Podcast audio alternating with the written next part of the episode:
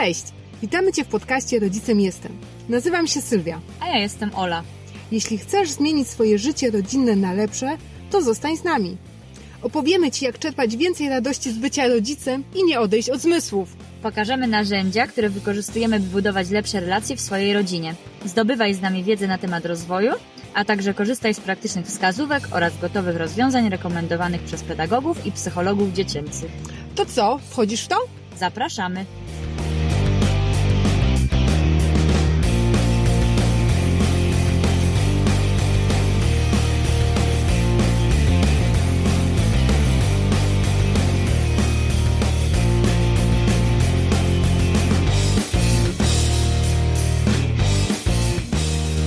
Agnieszkę zaprosiłyśmy do rozmowy, bo temat wysokiej wrażliwości jest nam osobiście bardzo bliski. Ten temat chciałyśmy poruszyć już od dłuższego czasu i wreszcie nadszedł ten moment. Dobieramy dla Was tematy patrząc na to, czego potrzebujecie, by czuć się dobrze w roli rodzica. Często najpierw wybieramy te, które są najbliższe naszemu sercu. Jest kilka takich tematów, które przychodziły do nas po kolei i zmieniały nasze życie. Pozwalały nam budować lepsze relacje zarówno w rodzinie, jak i w przyjaźni czy pracy. Ten temat jest zdecydowanie jednym z takich. To takie zagadnienia, których odkrycie pomagało nam lepiej zrozumieć, a teraz nie mieści nam się w głowie, że jeszcze dwa lata temu ich nie znałyśmy. Stąd tak bardzo chcemy to przekazać Wam, bo wiemy, jak bardzo jest to ważne. Ten odcinek po raz kolejny utwierdził nas w tym, że zrozumienie i świadomość to pierwszy krok do zmiany. Bez zrozumienia naprawdę trudniej być empatycznym i wspierającym mimo najszczerszych chęci. Odkrycie wysokiej wrażliwości było dla nas odkryciem na miarę wcześniejszych przełomów, jakimi były języki miłości, talenty galupa czy pozytywna dyscyplina, a później porozumienie bez przemocy. Przejdźmy więc do naszego gościa, dzięki któremu możemy te odkrywcze dla nas treści przekazać również Tobie. Agnieszka jest osobą wysoko wrażliwą i ma trójkę dzieci, w tym dużego, tak mówi o swoim najstarszym synu, który też jest dzieckiem wysoko wrażliwym. W dzisiejszym odcinku przybliży nam temat wysokiej wrażliwości. Opowie, w czym ta cecha wspiera jej posiadaczy w codziennym życiu, a co może być dla nich największym wyzwaniem. W tym odcinku będziesz świadkiem case study i dowiesz się, czy w naszym zespole są wysoko wrażliwce. A może i ty odkryjesz u siebie cechy osoby wysoko wrażliwej lub zauważysz, że w twoim otoczeniu są osoby, których układ nerwowy reaguje mocniej.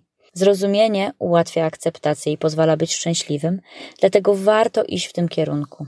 Jeśli słuchając tej rozmowy poczujesz, że faktycznie ty lub ktoś z twojej rodziny jest osobą wysoko wrażliwą, warto zgłębić ten temat. W trakcie odcinka i w podsumowaniu usłyszysz, gdzie jeszcze szukać informacji na ten temat. Zanim jednak przejdziemy do odcinka, mamy dla Ciebie jeszcze coś, o czym chcemy powiedzieć Ci już teraz. We wrześniu zapraszamy Cię na pierwszą podcastową konferencję rodzicielską o tym, jak być szczęśliwym rodzicem. Będzie z nami 13 świetnych prelegentów, którzy opowiedzą o tym, czym jest dla nich szczęście i jakie nawyki ich do niego przybliżają. Konferencja będzie bezpłatna, a więcej szczegółów znajdziesz wchodząc na link podany w opisie odcinka. Z nami poznasz 13 drogowskazów szczęśliwego rodzica, które poprowadzą cię z łatwością w wybranym przez ciebie kierunku. Zapisz się korzystając z linku, który znajdziesz pod odcinkiem, a już teraz zapraszamy cię do wysłuchania i dzielenia się dzisiejszym odcinkiem. Cześć Agnieszka. Sylwia. Bardzo Ci dziękuję, że zgodziłaś się wziąć udział w naszym podcaście, porozmawiać z nami. Bardzo Cię serdecznie witam. I zanim przejdziemy do tematu dzisiejszego odcinka, czyli wysokiej wrażliwości, to chciałam, żebyś przedstawiła się nam, powiedziała dwa słowa o tym, co robisz, czym się zajmujesz, kim jesteś. Ojej, kim jestem? Ja może najpierw podziękuję, przywitam się. Dziękuję Ci bardzo za zaproszenie. E, jestem jak to wysoko wrażliwa osoba podekscytowana tym faktem bardzo, już od godziny motylki w brzuchu. E, ale dobra, próbuję się uregulować i będzie, e, będę spokojniejsza. Kim jestem? Jestem teraz mm, coachem i coachem kryzysowym przede wszystkim. To są takie moje główne role. Też trenerką i wspieram głównie wrażliwe mamy, niekoniecznie wysoko wrażliwe, ale ogólnie świadome wrażliwe osoby, głównie matki małych dzieci, E, wracamy sobie ze stresem i kryzysem. E, no i właśnie przez coaching, przez coaching kryzysowy dla osób w kryzysie, poprzez szkolenia online, e, też poprzez blogowe dylematki. No tak, i planuję też książki pisać dla dorosłych, takie poradniki o złości, o radzeniu sobie ze stresem, ale to tak w dalszej perspektywie. I kim jestem, jeszcze ważne, Jestem też wysoko wrażliwą osobą, jak już zdążyłam zaznaczyć. I też mamą trzech synów, którzy mają teraz 3,5, 6,5 prawie 9 lat. Nagrywamy w maju, w połowie maja 2020 roku. I co najmniej najstarszy jest wysoko wrażliwy, ale tego najmłodszego podejrzewam już od dłuższego czasu i tak ostatnio dochodzę do wniosku, że on też. Także e, jest wesoło. Okej. Okay. E, dzisiaj chciałam głównie poruszyć temat wysokiej wrażliwości. Hmm. Jest jakaś definicja? Co to w ogóle jest? Czym to się charakteryzuje? Tak, jest bardzo konkretna definicja. Ona została stworzona przez dr Elaine Aron która była jedną z pierwszych takich badaczek, może jednym z pierwszych badaczy zgłębiających e, cechę wysokiej wrażliwości. I to jest wrodzona cecha układu nerwowego, czyli coś, z czym się rodzimy, czego nie można stworzyć, nie wiem, sprawić, że ktoś jest wysoko wrażliwy, albo nie można też wyleczyć, bo to nie choroba. E, cecha, która, e, która sprawia, że ten układ nerwowy inaczej przetwarza rozmaite bodźce, e, niż układ nerwowy osoby, która nie ma tej cechy wysokiej wrażliwości. Ja będę mówiła, powiedzmy, o osobach niskowrażliwych, niewrażliwych, małowrażliwych i oczywiście nie mam na myśli tego potocznego rozumienia, tak, że ktoś jest niewrażliwy na krzywdę innych na przykład, albo na literaturę, czy na piękne zachody słońca, tylko po prostu będę miała na myśli osoby, które nie mają tej cechy e, wysokiej wrażliwości układu nerwowego, tak, dla uproszczenia. E, I to się przejawia w ten sposób, że po pierwsze Wszelkie bodźce, które docierają do tego układu nerwowego wysoko wrażliwej osoby, e, są głęboko przetwarzane, głębiej niż, e, niż e, znowu osoby nisko wrażliwej. I to dosłownie głęboko, to znaczy badania takie z użyciem funkcjonalnego rezonansu magnetycznego pokazały, że kiedy się pokazuje takiemu człowiekowi wysoko wrażliwemu, leżącemu w tubie rezonansowej jakieś obrazki, E, jednocześnie bada się jego mózg, to ten mózg jest zaangażowany w większej liczbie obszarów niż e, znowu mózg osoby niskowrażliwej. E, czyli po pierwsze to głębokie przetwarzanie bodźców, po drugie odbieranie nawet, nawet bardzo subtelnych bodźców. To jest coś takiego, że osoba wysoko wrażliwa wchodzi do pokoju i od razu na przykład wyczuwa napięcie. Znaczy każdy z nas trochę wyczuwa napięcie, ale dla takiej wysoko wrażliwej osoby momentalnie ono jest bardzo silnie odczuwalne um, jakieś skrzywienie brwi, jak, jakaś zmiana tonu głosu, taka delikatna. On, to, to są osoby bardzo wyczuwalne na tego typu bodźce. E, po trzecie, e, ta cecha się charakteryzuje taką wybujałą emocjonalnością i silną empatią, znaczy wysoką empatią. Do tego jeszcze za chwilkę wrócę. E, czyli taka osoba, która jest wysoko wrażliwa, bardzo przeżywa. Jak się cieszy, to po prostu skacze pod sufit. Chyba, że została tak wychowana, że ma nie skakać, w każdym razie burza się w niej dzieje. A jeżeli się smuci, to po prostu jest to rozpacz bardzo głęboka. E, a ta empatia, to tutaj chodzi raczej o odczuwanie, takie współodczuwanie emocji innych osób, niekoniecznie jakby bycie w stanie zaopiekować się tymi osobami. To, to niekoniecznie musi być to. I te wszystkie cechy sprawiają, że człowiek jest bardzo skłonny do przestymulowania. To jest to czwarta, jakby czwarty element wysokiej wrażliwości, e, czyli łatwiej niż inni ludzie jest w takim stanie, mam dość, już nie mogę, muszę wyjść stąd, muszę, muszę się uratować, po prostu uciekać gdzieś w jakieś samotne miejsce. Czyli cztery cechy. Głębokie przetwarzanie, odbieranie subtelnych bodźców, e, wybujała emocjonalność i empatia oraz e, skłonność do przestymulowania. To się składa na wysoką wrażliwość. I ważne jest to, że wszystkie cztery elementy muszą występować, żeby można było mówić o wysokiej e, wrażliwości. Wspomniałaś o tym, że mm, można ludzi podzielić na to, że są nisko wrażliwi, y, wrażliwi bądź wysoko wrażliwi. Jaka jest różnica między taką w cudzysłowie normalną wrażliwością, a tą wysoko wrażliwością? W którym momencie ja mogę zacząć podejrzewać, tak, że jestem wysoko wrażliwa, a nie tylko wrażliwa. Nie wiem, czy rozumiesz moje pytanie. Rozumiem, bo w ogóle wrażliwość to jest taki, taki przymiotnik, którego używamy na co dzień. Dziecko jest na przykład wrażliwe, bo nie wiem, kiedy się, kiedy się podniesie ton głosu, on od razu płacze, na przykład, prawda?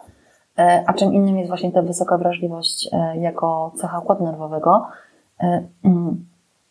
I tak, jest sobie taki test po prostu. W książce dr Elaine Aron, Wysoko Wrażliwi, albo też w internecie jest dostępny test. To jest taki kwestionariusz, 20 parę pytań, i odpowiada się tak czy nie, tak? No nie wiem, kiedy coś tam, to coś tam, to na tej zasadzie, tak? Jakieś tam sytuacje są przy, przy, przytoczone albo jakieś, jakieś typowe zachowania i jeżeli się tam uzyska ilość punktów, zdaje się, nie wiem, kilkanaście z tych dwudziestu paru, to, to po prostu można mówić o wysokiej wrażliwości. To taki jakby test, kwestionariusz. Natomiast ja mam taki, taki test, um, takie podejście diagnostyczne wymyśliłam um, na poczekaniu, przygotowując się do tego podcastu. E, jeżeli nie słyszałaś wcześniej o wysokiej wrażliwości i właśnie o niej usłyszałaś, i czytasz na przykład książkę doktora Elaine Aron i masz takie poczucie, ojej, ojej, to jest po prostu o mnie, to, to jest to, ja nie wiedziałam, że jest na to nazwa i nie jestem nienormalna i to po prostu jest niesamowite, że ja to odkryłam i wow, chcę wiedzieć więcej, no to można z dużym prawdopodobieństwem przypuszczać, że jesteś wysoko wrażliwą osobą, po prostu. Tak? E, moje klientki na przykład, e, które odkrywają cechę, mają zawsze taki etap euforii. Wow, w ogóle, dlaczego nikt mi nie powiedział, że jestem wysoko wrażliwa, nie jakaś dziwna, nie wiem, beksa, e, że za bardzo rozkminiam. Bo zazwyczaj jednak na co dzień te zachowania związane z wysoką wrażliwością, może wywołane, wskazujące na wysoką wrażliwość, one nie są zbyt dobrze widziane w społeczeństwie. Mm, na przykład to, że człowiek naprawdę musi sobie dokładnie przeanalizować każdą decyzję. Albo to, że zanim wejdzie w jakąś sytuację, śmiało, prawda, cały na biało, e, to, to musi sobie przystanąć, pomyśleć, czemu w ogóle chcesz w to wchodzić. Albo na przykład, kiedy jest mu trudno, to naprawdę rozpacza. I to też w jakiś tam sposób obciąża jego otoczenie, na przykład współmałżonka albo rodzica. E, no właśnie, więc, więc bardzo często jest tak, że jeżeli, e, jeżeli dziecko jest wysoko wrażliwe, to dostaje taki komunikat e, od wielu osób z otoczenia, nie tylko od rodziców, że coś z nim nie tak, że powinno się jakoś, nie wiem, ogarnąć, zachowywać inaczej, być śmielsze, odważniejsze. Dostaje takie łatkie etykietki. I kiedy się odkrywa tę wysoką wrażliwość, że to jest cecha, że to ma też całe mnóstwo zalet, to człowiek po prostu oddycha i czuje taką wielką ulgę. Naprawdę, ja sama kiedy to odkryłam, że ja nie jestem jakaś, nie wiem, dziwna, jakaś taka po... No nie, nie będę tych brzydkich słów używać, porąbana w każdym razie powiem. E, tylko po prostu to jest taka moja cecha i ja mogę z niej zrobić bardzo dobry użytek. To naprawdę zalała mnie wielka, wielka fala ulgi chyba czuję tą falę ulgi, bo jak Ci wspominałam, zanim jeszcze zaczęłyśmy nagrywać, Twoja obecność tutaj nie była przypadkowa, y, była troszkę też osobista, poza tym, że właśnie wysoka wrażliwość to takie pojęcie dosyć nowe i gdzieś tam myślę, że osobiście mnie w jakimś stopniu y, dotyka. Także tutaj Twój test przeszłam chyba pozytywnie. takie mam wrażenie, bo właśnie odkrywając, czytając o wysokiej wrażliwości, słuchając Tomka, bliskościowego ninży, słucham i mówię, o, to o mnie, o, przecież ja też tak mam, ojej. U dorosłego wiemy, jak to wygląda, tak? Y, jest twój test, jest test Ellen Aron, o której wspomniałaś. A w jaki sposób rozpoznać, czy nasze dziecko jest wysoko wrażliwe? Um, to może nie być takie łatwe do rozpoznania na pierwszy rzut oka, bo um, niektórzy utożsamiają wysoką wrażliwość z tak zwanym hajnictwem, tak? Czyli um, high need baby w angielsku, wymagające dziecko, niemowlę, czy high need child, wymagające dziecko. To, jest, to są pojęcia spopularyzowane przez Searsów, przez małżeństwo Searsów, um, Martę i, um, i Williama. I oni właśnie mówili o takim dziecku, które no, prawdopodobnie było wysoko wrażliwe, ale wskazywali na to, że ono, ono jest trudne do zaspokojenia. Ono ma takie właśnie wysokie potrzeby. Trzeba je ciągle nosić, przytulać, ma jakieś szczególne oczekiwania, jakieś jest wrażliwsze na, nie wiem, zapachy i tak dalej, i tak. To był taki obraz właśnie wysoko wrażliwego dziecka. Przy czym tak naprawdę y, trudno utożsamiać te dwa terminy, te dwa pojęcia, dlatego że y, high need baby to jest takie określenie, powiedziałabym, behawioralne. Poznajesz to po zachowaniu. Jeżeli dziecko wymaga dużo uwagi, no to jest to dziecko wymagające, po prostu, tak? E, natomiast zachowanie może się zmieniać. Natomiast wysoka wrażliwość jest wrodzona i zmieniać się nie może, ale też jest cechą nie do końca obserwowalną, tak? Też można poznać po zachowaniu, e, ale, ale też wysoko wrażliwi jakby obierają sobie różne strategie. Trochę zamotałam, ale spróbuję wyjaśnić. Chodzi o to, że jeżeli dziecko jest wymagające, to ono nie musi być wymagające dlatego, że jest wysoko wrażliwe i nie wiem, na przykład światło mu dokucza i jest wrażliwe na hałas i w domu jest za głośno i tak dalej.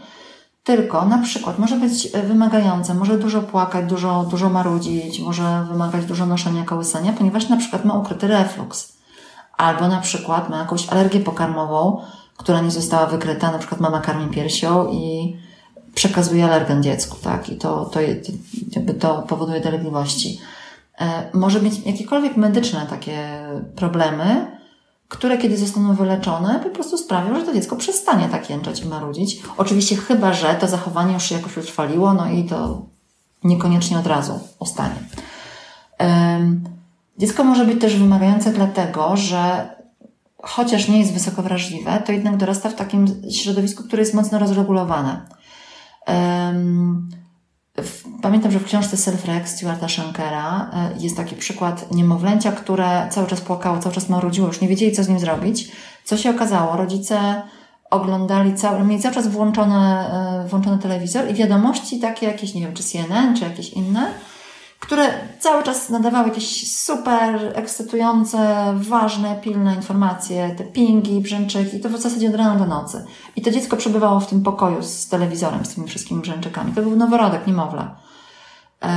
Więc ono było totalnie rozstrojone. I kiedy, kiedy rodzice pokonali to swoje uzależnienie od telewizji, bo nie byli rzeczywiście uzależnieni od tej wiadomości, to dziecko stopniowo się wycieszyło. Tak, więc to, to, to był high need, niby high need baby, ale nie było to dziecko wysoko wrażliwe, czy też niekoniecznie.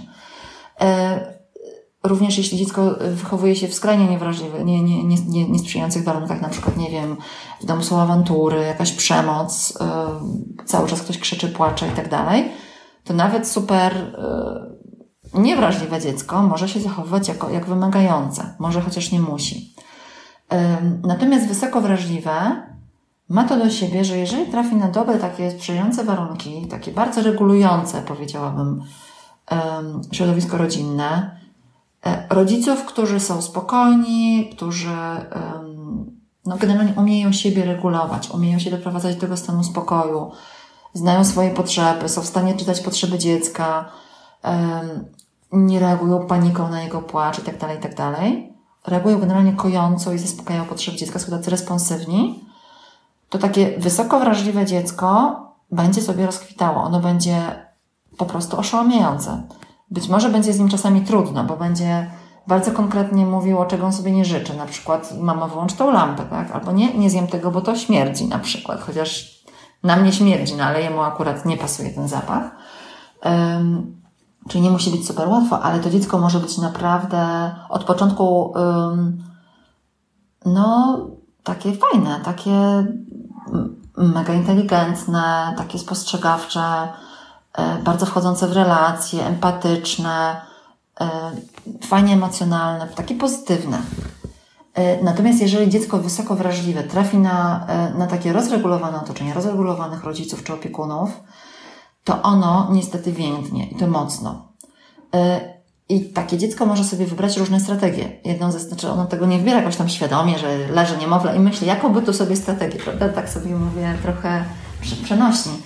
Ale zależnie od tego, jakie ono ma, jaką ono ma osobowość, cechy osobowości, z tym się też, też rodzimy w sumie, ono może na przykład być właśnie hajnidem, być wymagające, dużo płakać, dużo krzyczeć, dużo jęczeć, zawieszać się na mamie, mieć taki bardzo nasilony lęk separacyjny, różne trudne zachowania, jakieś bicie, agresja, gryzienie. E, a może to być też dziecko, które jest bardzo nieśmiałe, bardzo wycofane i takie super dostosowane, takie super grzeczniutkie. Kiedy mu się mówi usiąść, to ono siada momentalnie, w ogóle się nie zastanawiając. Ono po prostu czyta. Ta jego empatia sprawia, że ono czyta, czego się od niego oczekuje i dokładnie to robi. Więc jakby strategie takich maluchów są różne. E, wspólne im wszystkim jest to, że jeżeli mają bardzo sprzyjające otoczenie, to one naprawdę są fantastycznymi dzieciakami. Ja znam takie dzieci, które naprawdę są świetne, mimo tej swojej bardzo wysokiej wrażliwości i różnych tam innych uwarunkowań, bo mają wspierających rodziców. E, no właśnie. Nie wiem, czy odpowiedziałam, rozgadałam się trochę. Odpowiedziałaś jak najbardziej. Wspomniałaś o tym, że wrażliwość jest wrodzona, tak? Ty też masz syna, tego najstarszego, tak? Z, z wysoką wrażliwością, może też najmłodszego. Czy to jest dziedziczne? Taka cecha? Y, no skoro jest wrodzone, no to jakoś się dziedziczy, ale y, nie wiem dokładnie jak. Mm, nie wiem, nie wiem, po prostu nie znam tutaj badań. Mhm. A co nauka na wysoką wrażliwość? Yy, nauka zgłębia to od dłuższego czasu. Tak naprawdę zaczęło się od badań na zwierzętach w latach 50. XX wieku, czy w, tak 50. Czyli to jednak nie jest aż takie mm, nowe zagadnienie. Nie, nie jest aż takie nowe, tylko że yy, myk polega na tym, że wtedy badano u zwierząt yy, cechy, które nazywano inaczej. Nazwano to dopiero wysoką wrażliwością w latach 90. Konkretnie dr Elaine Aron tak to nazwała. Na przykład mówiono o jakiś, jakimś gatunku małp, że są ma, małpy, które są spięte, tak? Pewna grupa małp spiętych i wyluzowanych, tak? Tłumaczę tak bardzo w przybliżeniu. I te spięte to oczywiście były wysoko wrażliwe. Albo były badania na rybach i te ryby, które właśnie były wysoko wrażliwe, były nazywane nieśmiałymi, a te drugie odważnymi. No i tu widać od razu już etykiety. I po tych etykietach, tak, nieśmiały albo e, spięty, E, to już widać, że etykiety są nadawane przez tę większość, która nie jest wysoko wrażliwa. A skoro tak, no to postrzega świat przez swój pryzmat i uważa wysokowrażliwość za coś takiego nietypowego, za jakieś odchylenie od normy. A to jest po prostu jedno z rodzajów, jeden z, z dwóch rodzajów normy. Normą jest i bycie wysokowrażliwym, i bycie niewysokowrażliwym. Oba, obie grupy są potrzebne. I tak jak powiedziałam, to się zaczęło właśnie od badań na zwierzętach, żeby sprawdzić, jak one, yy, na czym to polega, że niektóre zwierzęta zachowują się inaczej w nowym otoczeniu, tak?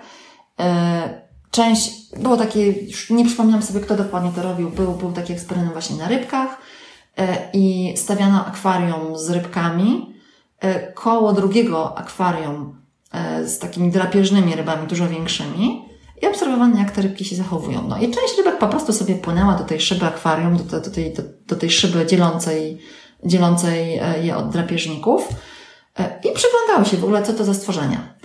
E, a inne rybki pochowały się bardzo sprytnie natychmiast i w ogóle nie wychodziły z tych swoich kryjówek. No i zgadnij, które były które. E, te, które się pochowały, zostały nazwane nieśmiałymi, a te, które, które były ciekawe, tak, patrzyły, przyglądały się, to były właśnie te niby odważne. No i droga część doświadczenia polegała na tym, że wpuszczono te drapieżniki do akwarium z rybkami, no i zgadnij, które zostały zjedzone pierwsze. Jasna sprawa. W ciągu 48 godzin wszystkie rybki niewrażliwe zostały pożarte, w sensie 100%. Natomiast z tych e, wysoko wrażliwych zostało odnalezionych i zjedzonych, zdaje się, dużo mniej niż połowa. E, I doktor Elaine Aron, która rozmawiała z tym badaczem od rybek, zapytała właściwie, dlaczego ty je nazywasz nieśmiałymi i odważnymi? Przecież to są po prostu e, mądre i głupie ryby. Więc no tyle, jeśli chodzi o etykiety. Mhm. O etykiety Ci miałam zapytać w troszkę innym kontekście. Pytanie, czy jeżeli już operujemy takim pojęciem jak wysoka wrażliwość, czy to też już nie jest etykietowanie? E, to jest nazwa, czy ja wiem, mi się wydaje, że to jest naukowa nazwa po prostu, wysoka wrażliwość, że układ e, nerwowy jest wrażliwszy, czyli mocniej coś odbiera. To tak jak, nie wiem, e, radio jest bardziej, czy nie wiem, jakaś, jakiś mikrofon jest bardziej czuły czy wrażliwy. To nie jest, to nie jest etykieta, tylko to jest jakby określenie, tak, które wynika z technicznych parametrów. Mhm. Tak się zastanawiam, jak wyglądało Twoje dzieciństwo, bo y, za naszych czasów myślę, że jesteśmy w podobnym y, wieku, ale o wieku nie będziemy rozmawiać. 41 lat, ja nie mam z tym problemu żadnego. 41, rocznik 79. Ogłaszam wszędzie wobec. No to jesteśmy prawie w tym samym wieku. To samo pokolenie i za naszych czasów nie mówiło się o wysokiej wrażliwości, tylko o płaczkach, beksach, niegrzecznych dzieciach, albo właśnie w drugą stronę takich wzorowych uczennicach. Czy dzisiaj też się z tym spotykasz? Oczywiście, że tak, jak najbardziej. No wystarczy na przykład e, spojrzeć na sytuację, kiedy dziecko ma wejść do jakiejś sali, na przykład, nie wiem, sala zabaw, w której odbywają się urodziny kolegi albo sala przedszkolna, kiedy jest na adaptacji, jeżeli to nie jest jakiś super wrażliwy dorosły, jakaś super przyjazna placówka, to jeżeli to dziecko przystaje w progu, łapie się nogi mamy i tak sobie stoi i obserwuje, to od razu osoby postronne mówią do niego, no nie wstydź się, no chodź, Nie bój się, nie ma się czego bać, zobacz, dzieci się bawią, tak? Czyli od razu mamy porównywanie do tej większości niskowrażliwej i taki komunikat, słuchaj, ale nie bój się, tak? Albo nie bądź nieśmiały. Czyli po pierwsze jesteś nieśmiały, po drugie się boisz. Czyli trochę wciskanie dziecku emocji, którą ono, które ono niekoniecznie odczuwa, bo ono, ono wcale nie musi się bać. Ono sobie przystanęło, ponieważ jako wysoko wrażliwe musi sobie najpierw wszystko dokładnie zanalizować. Zanim podejmie bardzo taką poinformowaną decyzję, czy w ogóle chce w to wchodzić, czy nie chce. Tak jak te rybki. Najpierw się schowały i chciały zobaczyć, co się dzieje. I kiedy zobaczyły, że tamte drapieżniki pożerają ich kolegów i koleżanki, czy tam, nie wiem, pobratymców, no to siedziały dalej w ukryciu. E, I to nie jest strach, to jest po prostu analizowanie. Czyli jak najbardziej to widzę. Oczywiście za naszych czasów, za czasów naszego dzieciństwa było zupełnie inaczej. To znaczy, ja mam wrażenie, że że to jest po prostu przepaść między sposobem, w jaki my się staramy wychowywać dzieci dzisiaj. Nie mówię, że wszyscy, ale no jest taka panika, która stara się bardzo, bardzo właśnie um, zrozumieć ten świat dziecka, patrzeć na świat oczami dziecka i w ogóle zakładać, że dziecko to człowiek przede wszystkim, bo jednak kiedy my byłyśmy dziećmi, no to dzieci ryby głosu nie mają, prawda? No właśnie, dzieci ryby głosu nie mają, powinno ci być widzieć, a nie słyszeć Przecież to nie boli, tak? No, przeróżne komunikaty, które nie płacz, tak? Taka jesteś ładna dziewczynka, płaczesz, to słyszałam. O, to było. To było tak. Nawet od koleżanek w szkole kiedyś to słyszałam, to było śmieszne. Więc, więc właśnie, e, kiedy ja byłam dzieckiem, ja, ja należałam do tych dzieci, które się właśnie idealnie dostosowały do oczekiwań rodziców, czy dorosłych w ogóle. Że ja byłam tą grzeczną, a widzisz, super grzeczne dziecko, w ogóle ja potrafiłam sobie trzy godziny siedzieć w kątku i oglądać książeczkę. Faktem jest, że miałam różne takie zachowania, o których wiem, e, że też świadczą o różnych e, takich na przykład sensorycznych problemach. Dalej oczywiście je mam, z tego się nie wyrasta, jeśli się nie miało terapii, można sobie z tym radzić, ale z tego się nie wyrasta. Na przykład jestem nadwrażliwa na dźwięki, też mam trochę problem z różnicowaniem dźwięków, kiedy jest, jest za dużo tych dźwięków. Więc ja po prostu nie słyszałam, jak do mnie, jak mi wydawali polecenia, to ja ich nie od, ja nie od razu je słyszałam, bo gdzieś tam się zatapiałam w swoim świecie wyobraźni. I nawet mnie rodzice prowadzali na badania słuchu, czy ja wszystko w porządku mam ze słuchem. No i pamiętam takie zdanie, e, proszę Państwa, ona ma idealny słuch, słuch i tylko Państwa nie słucha. Pamiętam, jak to powiedział, powiedział właśnie um, lekarz do, do moich rodziców. No więc, ale dalej się etykietuje, dalej się mówi, że dzieci są niegrzeczne. No tak, bo to, bo to mogą być albo właśnie takie wzorowe dzieci, super dostosowane, albo dzieci bardzo nieśmiałe, wycofane, albo dzieci właśnie mega niegrzeczne. Mówisz, że byłaś takim dzieckiem ułożonym, grzecznym. E, nie było czegoś takiego, że czułaś w środku taki bunt? Wiesz co, ja chyba tego nie miałam. Ja chyba byłam bardzo, tak bardzo, bardzo dostosowana. E, ale miewałam często uczucie rozżalenia, takiego, takiego, że to nie fair. Tylko ja go jakoś nie bardzo, nie bardzo je komunikowałam na zewnątrz, tylko mówiłam, że to nie fair, że, że jakoś źle zostałam potraktowana, że ktoś mnie nie zrozumiał, że w ogóle zostały wypaczone moje intencje. To pamiętam, że to mi się często zdarzało. Ale ra, ja raczej, raczej się z tym nie, nie, nie afiszowałam w żaden sposób, nie komunikowałam tego, tylko po prostu tak sobie kiesiłam to w środku. No i bardzo wcześnie zaczęłam pisać pamiętniki, w których właśnie dawałam upust różnym moim emocjom i mam do tej pory wiele, wiele tomów.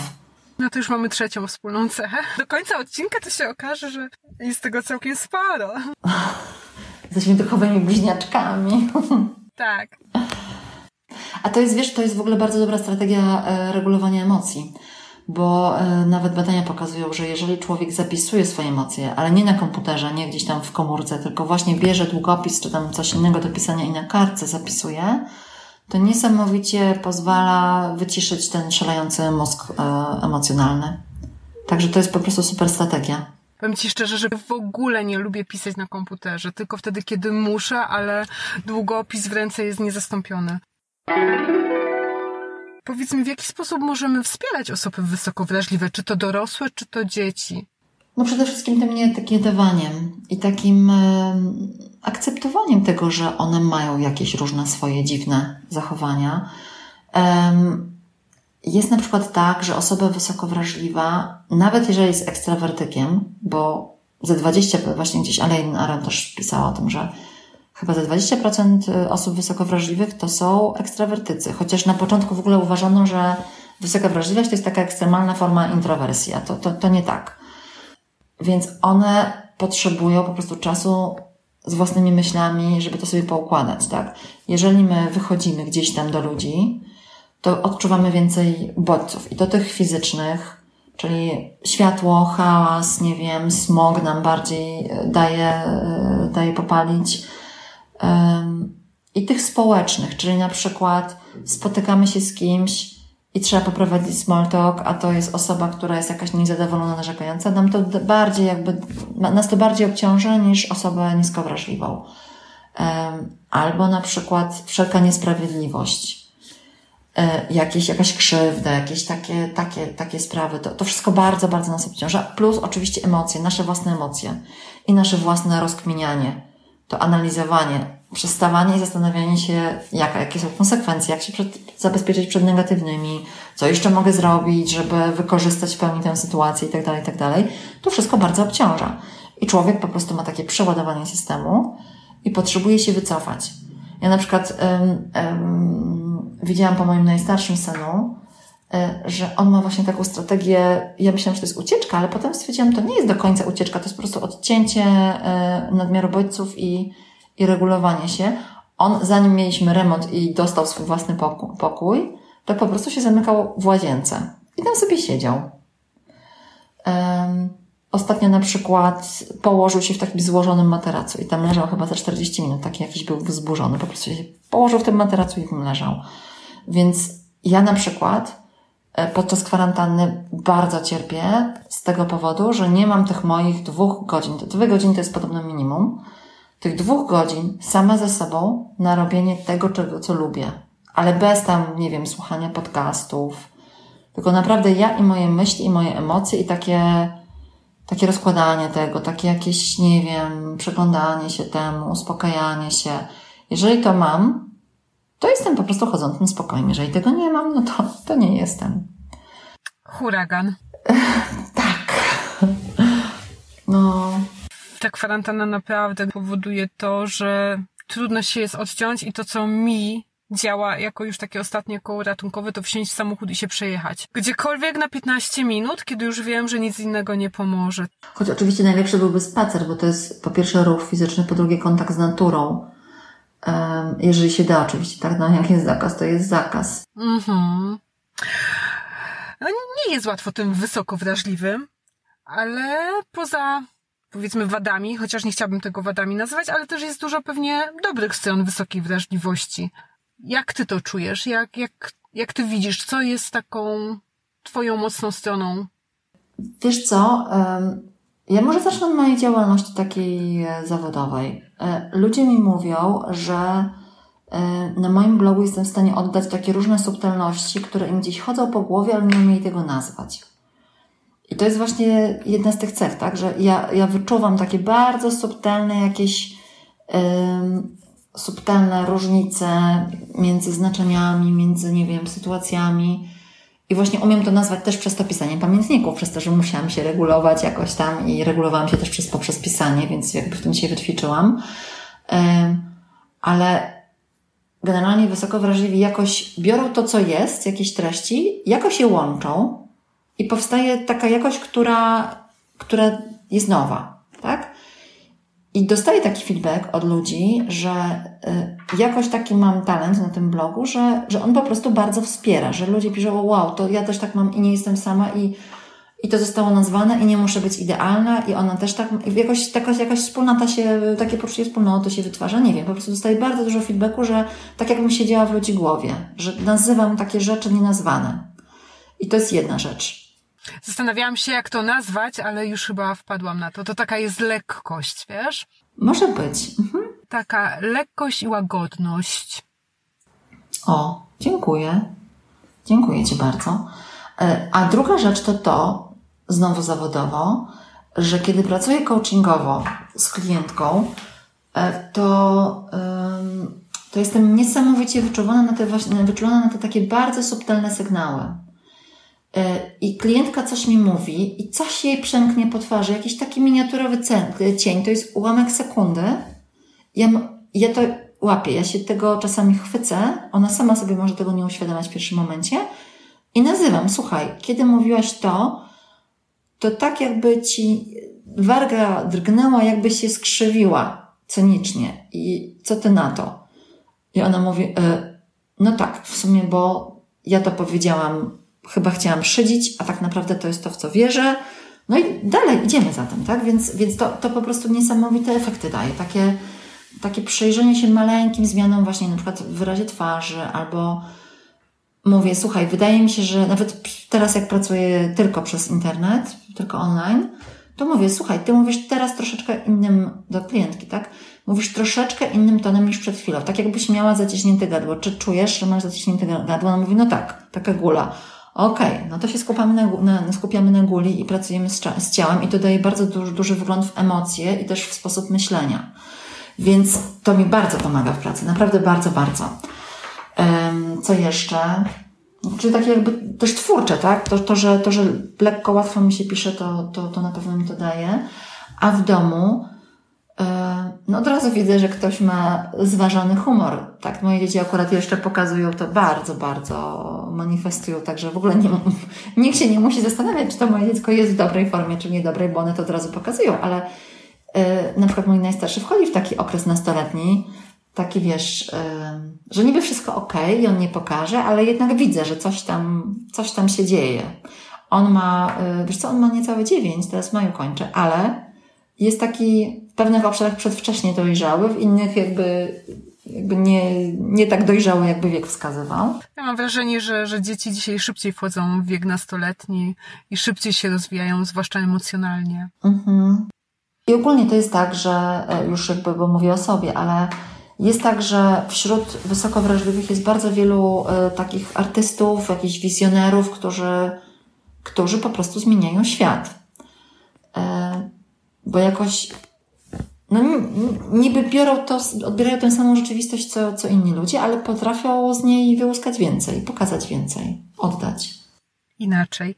A orientujesz się procentowo, ile jest osób wysoko wrażliwych w naszym społeczeństwie? E, od 15 do 20% i co ciekawe, nie tylko w naszym społeczeństwie, bo to znaczy jest dla amerykańskiego społeczeństwa, to jest statystyka, ale jakieś tam inne społeczeństwa też badano. Co więcej, u, u zwierząt to też jest taki procent. I to u ponad 100 gatunków zwierząt. To jest po prostu niesamowite. I wyjaśnienie jest ewolucyjne. Jest potrzebna pewna liczba, e, pewien odsetek populacji, e, takich osobników, tak, czy ludzi, zależy czy mówimy o zwierzętach, czy o ludziach, yy, takich osobników, które bardzo wszystko rozkminiają, są bardzo ostrożne, nie zjedzą nowego owocu, tego go obwąchają, najpierw obiorą, nie wiem, zobaczą, czy jakieś owady się na przykład nim zatruły, tak, zanim to zjedzą.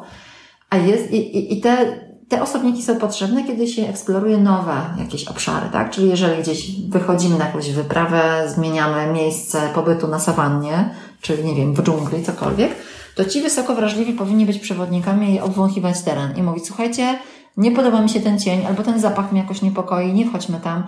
I te osobniki właśnie mają za zadanie ratować tę całą grupę przed jakimiś takimi nowymi zagrożeniami, których pozostali nie wyczuwają w ogóle, bo nawet nie pomyśleli o tym. Natomiast ci pozostali świetnie się sprawdzają w sytuacjach takich zwyczajnych. Yy, czyli no, jesteśmy na naszej sawannie, tutaj nasza jaskinia, prawda, tak już trzymając się przenośni, znaczy tej, tej analogii do, do, do człowieka jakiegoś tam jaskiniowego. E, I, I dobra, no to jest owoc, który wszyscy znamy, to no nie rozkminiaj, czy on jest dobry, czy niedobry, bo on jest dobry, bo już tysiąc razy go jedliśmy, zjadamy, tak? I, i, i zrywają ten owoc. Ja się śmieję, że, że właśnie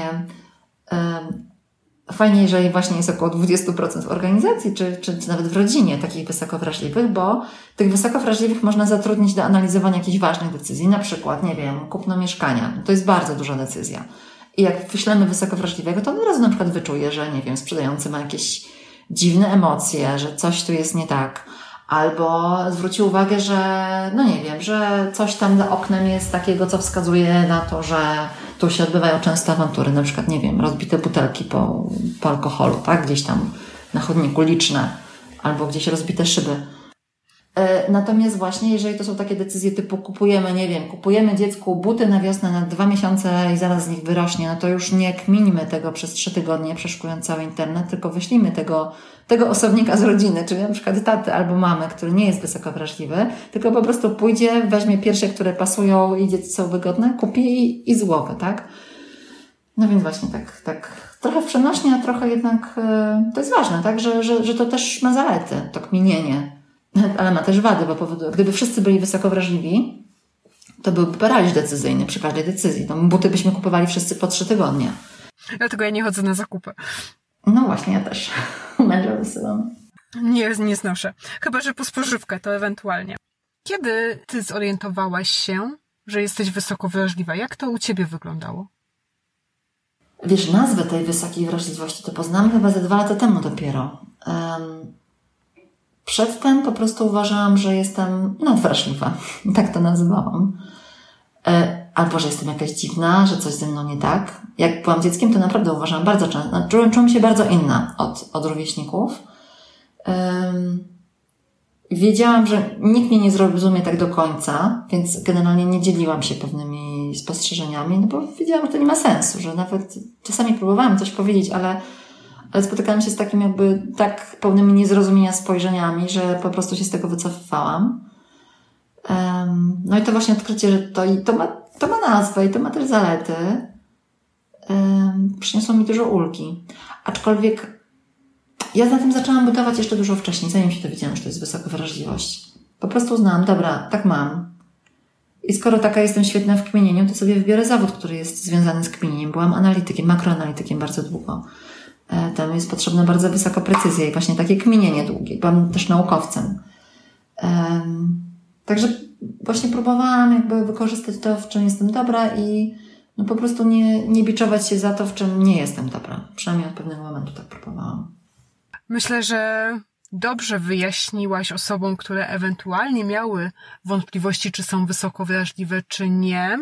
Pewnie tych wątpliwości po tej rozmowie będą miały mniej, Chciałam Cię jeszcze prosić o literaturę, jaką byś mogła polecić dla, dla osób, które chciałyby zgłębić temat, które chciałyby zarówno w kontekście swoim, jako osoby wysoko wrażliwej, czy w kontekście na przykład dzieci, się doszkolić, doczytać. Mhm, już mówię. Bardzo polecam e, książki dr Elaine Aron, czyli po pierwsze Wysoko Wrażliwi, e, u nas dostępna, i, e, i Wysoko Wrażliwe Dziecko. I to jest naprawdę, to jest kopalnia wiedzy i, i różnych strategii, tego jak sobie z tym radzić, jak to, jak to, jakby, jak korzystać z tej wysokiej wrażliwości, jak się z tym zaprzyjaźnić. E, również fantastyczną książką jest Dziecko Orchidea czym lecz. E, jak wspierać wrażliwe dzieci Toma Boysa. To, to już może nie będę opowiadała całej historii, ale bardzo poruszająca, bardzo piękna książka, którą też jakby, mm, to też nie, nie dotyczy tylko dzieci to jeżeli jesteśmy wysoko wrażliwi, bardzo nam też pomoże. Y, ja też po prostu polecam blogi. Y, Anita Janeczek-Romanowska z Być Bliżej pisze właśnie sporo o, o wrażliwych dzieciach. Ona też ma szkolenie online wysoko wrażliwe, dziecko wysoko wrażliwe i ma też grupę na Facebooku Być Jeszcze Bliżej. Y, także tu bardzo, bardzo, bardzo polecam. E, jeśli mogę, to też zapraszam do e, zakupu moich dwóch szkoleń. Mam jedno szkolenie właśnie e, samoregulacja wrażliwej matki dla dorosłych, dla no, głównie matek, ale też ojcowie skorzystają, babciowie, babcie, dziadkowie też, jeśli, jeśli czują się wysoko wrażliwi i chcą czerpać jak najbardziej, bo po prostu dotyczy do dorosłego w relacji z dzieckiem, czy też obciążonego właśnie tym, że, że nie dość, że jest wysoko wrażliwy, to jeszcze ma dziecko na głowie. I mam też drugie szkolenie, które przygotowałam wspólnie z Jagodą Sikorą, psycholożką dziecięcą. E, samoregulacja wrażliwego dziecka. To, to, to są dwa nagrania dwóch webinarów, także 4,5 godziny jakby materiału. Um, czy coś jeszcze? To jeśli już jesteśmy e, przy Twoich szkoleniach, to powiedz, gdzie jeszcze możemy Cię znaleźć. Mhm. E, mam stronę dylematki.pl, po prostu dylematki. E, I również fanpage na Facebooku też Dylematki. Na Instagramie też pod tym samym, e, pod tym samą nazwą, nazwą występuje od niedawna. No i tyle. Ja osobiście jeszcze polecam Twoją książkę kierowaną dla dzieci, a tak naprawdę też dla dorosłych, self a w tej chwili self-regulation, na pewno jest w stanie bardzo wesprzeć rodziców w tym, jak postępować w takich bardzo codziennych, zwykłych sytuacjach, a przy okazji rodzic też może nauczyć się takiej samoregulacji. Kierowana dla dzieci, a tak naprawdę myślę, że też e, rodzice wiele dobrego z niej wyciągną. Taką mam nadzieję. Hmm? Zafascynowała mnie jeszcze jedna rzecz, jak mówiłaś o książkach. Orchidea i mlecz. Czy możesz coś więcej na ten temat powiedzieć? Tak. To jest tak, że wysoko wrażliwi są wysoko wrażliwi nie tylko na takie bodźce tu i teraz, czyli takie jakieś fizyczne, tak, fizjologiczne, czy emocje, ale oni są bardzo wrażliwi całościowo na środowisko, w którym dorastają. Czyli e, jeżeli wysoko, tak jak to już wspomniałam o tym, że jeżeli wysoko wrażliwe dziecko trafia na takie wspierające, bardzo spokojne, odpowiadające na jego potrzeby środowisko rodzinne, to rozkwita jak orchidea. One wymagają pielęgnacji. Jeżeli są dobrze pielęgnowane, to oszałamiają, po prostu rozkwitają. To jest coś przepięknego, tak? Pachną i tak dalej. A jeżeli się ich nie pielęgnuje, to po prostu usychają. Więdną, a potem usychają. I tak samo jest z dziećmi wysoko wrażliwymi. Natomiast y, mlecze, mlecze y, to, to są właśnie te, taka metafora dzieci, y, które nie mają tej wysokiej wrażliwości. Mlecze wyrosną wszędzie. One wyrosną gdzieś tam między płytami, płytkami chodnika, gdzieś tam na trawniku. Nikt ich nie podlewa, nikt ich nie nawozi szczególnie, a i tak rosną, dają sobie radę, wyglądają ładnie, są takie wesołe, żółciutkie, tak, potem dmuchawce się z nich e, robią, więc po prostu jakby samosiejki takie, tak? E, I dziecko nisko wrażliwe, nawet jeżeli trafi na niezbyt sprzyjające środowisko, a wręcz bardzo niesprzyjające, to ono sobie zazwyczaj jakoś poradzi, lepiej lub gorzej.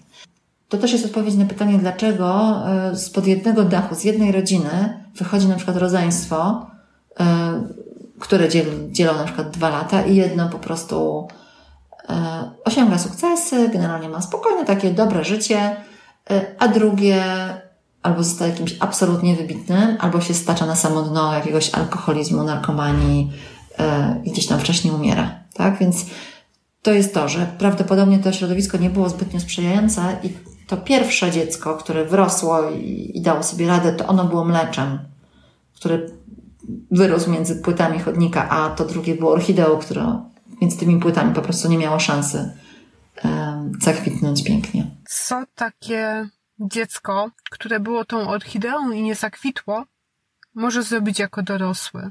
Z tą swoją wysoką wrażliwością, co, co może podziałać? E, wiesz, ja generalnie każdemu na osiemnastkę bym fundowała e, psychoterapię albo nawet psychoterapię traum.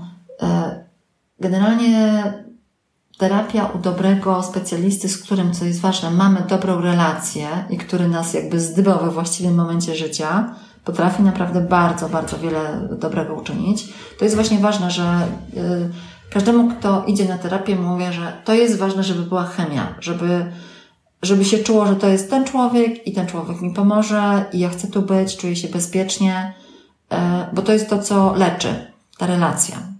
No i oczywiście odpowiedni moment w życiu człowieka, bo czasami człowiek jeszcze, jeszcze nie jest gotowy na zmiany, na jakieś przyjrzenie się sobie i wtedy terapia no jakby niekoniecznie pomoże. Ale jeżeli już, już jesteśmy na tym etapie, że widzimy, że jest nam trudno, wiemy, kiedy jest nam trudno, już mamy jakiś wgląd w siebie, jesteśmy naprawdę zdeterminowani, żeby sobie pomóc, to terapia jest super rozwiązaniem i trzeba po prostu znaleźć takiego specjalisty, z którym nam będzie po drodze i właśnie wziąć udział w tej terapii. I uwaga, pozytywne jest to, że taka orchidea, która nie zakwitła, ona cudownie reaguje nawet na to, kiedy się ją zaczyna podlewać i pielęgnować właśnie chociażby poprzez terapię, kiedy ma 40 lat, czy 50, czy 60, czy 80. E, nigdy nie jest za późno, naprawdę. Ja czytałam jakieś relacje, to zupełnie jakby tu niezwiązane, ale w książce o e, psychoterapii traum zostawić przeszłość w przeszłości, którą swoją drogą bardzo wszystkim polecam.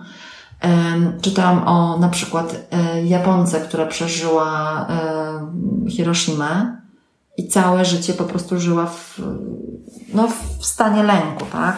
W stanie takiej niezaleczonej traumy. I w wieku 80 lat poszła na terapię kilkanaście sesji i kobieta po prostu zaczęła żyć wreszcie. Można? Można. Można, można. Więc y, Elaine Alan się śmieje w ogóle, że nie warto inwestować publicznych pieniędzy na refundowanie terapii um, osób nisko wrażliwych, bo to w ogóle nie daje takich efektów, jakie mo mo mogłoby dać właśnie finansowanie tych wysoko wrażliwych, bo to, tam, tam są dopiero spektakularne efekty. Będziemy powoli kończyć, ale zanim Cię wypuszczę, to chciałabym, żebyś podzieliłaś się z nami jeszcze na koniec Twoim największym wyzwaniem rodzicielskim. O, masz. Nie, największym się nie podzielę, odmawiam, natomiast mogę drugim największym. Drugim największym. Okej. Okay. Dobra.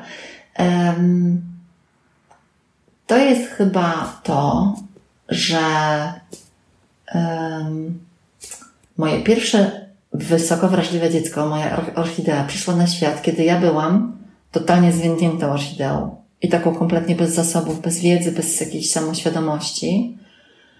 I ja ją wtedy zasuszyłam w pewnym sensie. No i reszta tego czasu, też jak, od pewnego momentu po prostu zajmuje się tym, żeby ją wypielęgnować, żeby ją doprowadzić jakby do takiego stanu, żeby kwitła. To tak najbardziej metaforycznie. To jest moje numer dwa wyzwanie, a numer trzy to, to chyba to, że codziennie wieczorem zastanawiam się, czy każde dziecko ma dzisiaj takie poczucie, że jest dla mnie ważne. Dzisiaj, pod dzisiejszym konkretnie dniu. Bardzo się tego, bardzo się staram właśnie tego pilnować, żeby przynajmniej każdemu dziecku dać chociaż odrobinę uwagi, takiej pełnej, takiej wiesz, niepodzielonej, że jestem dla niego i że jest bardzo, że jest najważniejszy na świecie w tej chwili. No i jest wiele takich wieczorów, sobie myślę, kurczę, temu nie, albo tamtemu nie. E, Oczywiście staram się nie biczować za to, ale to jest zawsze taka, taka autorefleksja, że to jest naprawdę strasznie trudne, jak się ma trójkę dzieci, w tym co najmniej jedno wysoko wrażliwe. A w ogóle to powiem Ci, że być może mój średni jest właśnie takim super dostosowanym do starszego brata wysoko wrażliwym. To jeszcze mi chodzi po głowie. To by było dopiero ciekawe. Średni podobno zawsze ma najgorzej. Tak, on, ale wiesz co? A to się podzielę, jeśli mogę. Um, on ma najgorzej, on czasami mówi nawet, że on ma najgorzej, bo on nie jest najstarszy i najmłodszy. I ten to ma wszystko, wszystkie przywileje, a ten jest mały i zawsze mu wszystko wolno. Tak, tak. Tak, więc on tak bardzo, bardzo to przeżywał w pewnym momencie. Miał chyba tak niecałe 6 lat. Ja mu wtedy powiedziałam, nie wiem, nie wiem, czy to było jakby dobre z punktu widzenia takiego długoterminowego, ale mu powiedziałam, słuchaj, zdradzę Ci sekret, tylko nie mów braciom. I mu powiedziałam, że co jest zresztą prawdą, że średnie dzieci to są najbardziej cenieni pracownicy na rynku pracy. E, bo właśnie byli ci tymi wciśniętymi, ani najstarsi, ani najmłodsi. Musieli bardzo lawirować, bardzo się uczyć, jakby też współżycia w grupie. No to jest fakt. Ja mu, tak. Ja mu powiedziałam, wiesz, ty masz teraz może dużo trudniej, ale jak zaczniesz pracować, jak skończysz te wszystkie szkoły, jak zaczniesz pracować, to cię będą o ciebie po prostu zabijać pracodawcy. I słuchaj, dla niego to było tak ważne, że mu to powiedziałam, że przez jakiś czas, kiedy znowu mu się przypomniało, ale ja mam najgorzej. I tak, ale na rynku pracy, słuchaj, taki sześciolatek, ale na rynku pracy. I potem kładł palec na, na usta, że to nasza tajemnica, w ogóle błysk w oku, już cały szczęśliwy. To trwało, nie wiem, dwa, trzy tygodnie i już tego nie mówi, że on ma najgorzej. Wiesz, po prostu jakoś, jakoś to tak fajnie wyszło. Jest fajna książka, nie pamiętam teraz autora, ale właśnie o kolejności urodzeń i tam jest właśnie dużo tego, co przy trójce dzieci bardzo widać, tak? Jak jest u najmłodszych, jak jest u średnich, jak jest u najstarszych, wiele tych cech jest tam podobnych, właśnie w zależności od tego, kiedy się to dziecko urodziło. Wiadomo, że to... Trochę generalizowanie, prawda? To, to też trzeba na to uważać. Tak, dokładnie. Ale jednak e, gdzieś tam pewne takie prawidłowości, które się gdzieś tam powtarzają i powielają właśnie w zależności od tego, w jakiej kolejności się urodziliśmy. Dobrze, Agnieszko. Tym oto sposobem dobrnęłyśmy do końca. Jeszcze raz chciałam Ci bardzo podziękować za poświęcony czas, podziękować za odkrycie siebie i gdzieś tam zrozumienie lepiej, czym jest ta wysoka, wysoka wrażliwość. Jeszcze na koniec przypomnij, gdzie, gdzie możemy Cię znaleźć, jeżeli komuś gdzieś tam w międzyczasie umknęło, a wszystkie linki podamy pod odcinkiem. Strona internetowa dylematki.pl i też y, fanpage na Facebooku i strona na Instagramie też dylematki. I ja Ci sobie też bardzo, bardzo dziękuję. To była duża przyjemność, chociaż oczywiście początkowo stres, tak? Ale od czegoż mamy wysoką wrażliwość. Tak, dzielę się z Tobą, łączę się z Tobą w tym. Było bardzo mi miło, bardzo Ci dziękuję. Dziękuję za całą merytoryczną wiedzę, którą tutaj przekazałeś, za swoje doświadczenia, którymi się podzieliłaś. I mam nadzieję, że jeszcze do usłyszenia, zobaczenia, kto wie. Dziękuję. Trzymaj się, Sylwia. Dziękuję. Wysoka wrażliwość to wrodzona cecha układu nerwowego. Osoby wysoko wrażliwe mocniej przetwarzają bodźce. Pierwszą badaczką wysokiej wrażliwości była Ellen Aron. To ona w latach 90. zdefiniowała pojęcie wysokiej wrażliwości. Osoby wysoko wrażliwe charakteryzują cztery cechy: głębokie przetwarzanie, odbieranie subtelnych bodźców, wysoka empatia i duża wrażliwość oraz skłonność do przestymulowania.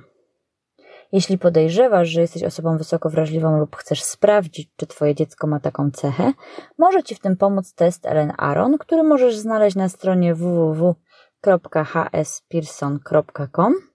Mamy też dla Ciebie niespodziankę. Pod tym odcinkiem możesz pobrać nasz PDF stworzony na bazie testu Ellen Aron, który możesz wydrukować i wypełnić samodzielnie lub dać komuś bliskiemu, kto w Twoim odczuciu może być osobą wysoko wrażliwą. Dzięki niemu lepiej zrozumiesz, jak to jest z wysoką wrażliwością u ciebie i w twojej rodzinie. A o czym jeszcze rozmawiałyśmy z Agnieszką? Agnieszka wytłumaczyła różnicę między high need baby a wysoko wrażliwą osobą. Zwróciła uwagę, że to różne pojęcia i jedno może nie mieć nic wspólnego z drugim. Na rozwój wysoko wrażliwego dziecka duży wpływ ma otoczenie. Tutaj Agnieszka użyła porównania do kwiatów – jeśli takie dziecko trafi na dobry grunt, to niesamowicie wzrośnie i się rozwinie. Jeśli natomiast nie będzie miało wsparcia i zrozumienia, to zacznie usychać. Rozwój dziecka w zależności od uwarunkowań otoczenia opisał w swojej książce Thomas. Porównuje dzieci wysoko wrażliwe do orchidei, a dzieci bez cechy wysokiej wrażliwości do mleczy. To porównanie uzmysławia nam, że dziecko, które nie jest wysoko wrażliwe, nawet jeśli trafi na trudne warunki życiowe, ma duże szanse je przezwyciężyć i podobnie jak mlecz przebije się nawet pomiędzy kostką brukową. Natomiast dziecko wysoko wrażliwe jest delikatne niczym orchidea, która pielęgnowana w odpowiednich warunkach rozkwita tak, że jej piękno zapiera dech w piersiach. Dzieci wysoko wrażliwe są etykietowane nawet bardziej niż dzieci, które tej cechy nie posiadają. Samo określenie osoby jako wysoko wrażliwej nie jest etykietą, a określeniem opisującym daną cechę tej osoby. Dzieci wysoko wrażliwe często odbierane są przez otoczenie jako nieśmiałe, wycofane lub niegrzeczne. Wysoko wrażliwym osobom w regulowaniu emocji może pomóc pisanie pamiętników. Dla dzieci natomiast wsparciem będzie nieużywanie wobec nich etykiet i zrozumienie ich odmienności. Pomocne będzie też dawanie przestrzeni i czasu, zwłaszcza w nowym otoczeniu lub nowych warunkach. Wysoka wrażliwość ma też swoje blaski. Osoby wysoko wrażliwe mają zdolność wyczuwania i zauważania subtelności dla innych niemożliwych do zaobserwowania. Mają lekkość i łagodność w przekazie. Agnieszka podsunęła kilka propozycji, jak można zgłębić temat wysokiej wrażliwości. Wśród polecanych przez nią pozycji znajdziemy książki Ellen Aron Wysoko wrażliwe dziecko i wysoka wrażliwość oraz blog Być bliżej, swój blog Dylematki oraz webinary Regulacja wrażliwej matki i sama regulacja wrażliwego dziecka, które są ponad 4-godzinną dawką wiedzy. A my polecamy do tego książkę Agnieszki Self-Regulation. Warto sięgnąć do książek polecanych przez Agnieszkę. Nasze książki właśnie dotarły do nas i zaczynamy je czytać. Na koniec chciałyśmy Wam polecić kogoś jeszcze. Znalazłam ją na YouTubie, już po naszym wywiadzie, szukając czegoś więcej na temat osób wysoko wrażliwych. To Beata Mąkowska, która w obszernej serii nagrań bardzo przystępnie opowiada o wielu aspektach wysokiej wrażliwości. Dla mnie, osoby z drugiego krańca, słuchanie o tym, jak wygląda świat osób wysoko wrażliwych, było bardzo wzruszające i przybliżyło mnie do lepszego zrozumienia tego świata. Tak, jak już wiesz, w tym odcinku okazało się, że 50% zespołu rodzicielskiego drogowskazu, który tworzę ja i Sylwia, to osoby wysoko wrażliwe. To 50% odczuło pewną ulgę i bierze się za pracę z wysoką wrażliwością, bo na to nigdy nie jest za późno. A ty, co bierzesz dla ciebie z tego odcinka? Jeśli masz jakieś pytania, pisz do nas śmiało. Pamiętaj też o bezpłatnej rodzicielskiej konferencji, która odbędzie się już we wrześniu. My już wiemy, że to będzie niesamowite doświadczenie także dla nas. Ogromna dawka wiedzy i motywacji. Dołącz do nas już dzisiaj, zapisując się na listę uczestników poprzez link znajdujący się we wpisie do odcinka. Wierzymy, że wśród uczestników nie zabraknie Ciebie i razem przeżyjemy niezapomniane chwile podczas długich i szczerych rozmów o szczęśliwym i świadomym rodzicielstwie. Dobrego dnia lub nocy i do usłyszenia. Dziękujemy. To był podcast Rodzicem Jestem. Dziękujemy za wysłuchanie. Po więcej zapraszamy na facebookowy fanpage Rodzicielski Drogowskaz, stronę podcastu www.rodzicemjestem.pl oraz blog www.rodzicielskidrogowskaz.pl Jeśli spodobał Ci się podcast, zostaw swoją opinię na iTunes. Dzięki temu będziemy wiedzieć, że to, co robimy, ma sens. Do usłyszenia!